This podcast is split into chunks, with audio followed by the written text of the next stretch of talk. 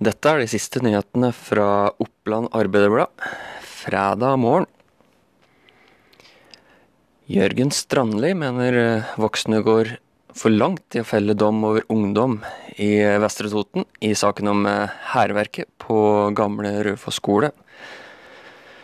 Eh, Med vantro har han sett eh, ungdom få pass påskrevet etter eh, hærverket på gamle Raufoss skole siste uke, og eh, vil ha en uh, mer eh, relevant debatt om hva som har skjedd.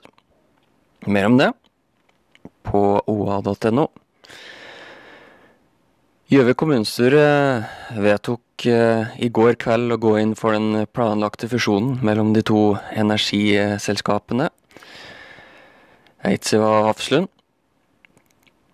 Eh, Finn Olav Roligårde ble eh, sendt på gangen da Gjøvik-politikere skulle gå inn for fusjonen. Roligårde er eh, nemlig medlem av eh, Eidsivas eh, bedriftsforsamling som eh, representant for Gjøvik og Østre Toten kommune.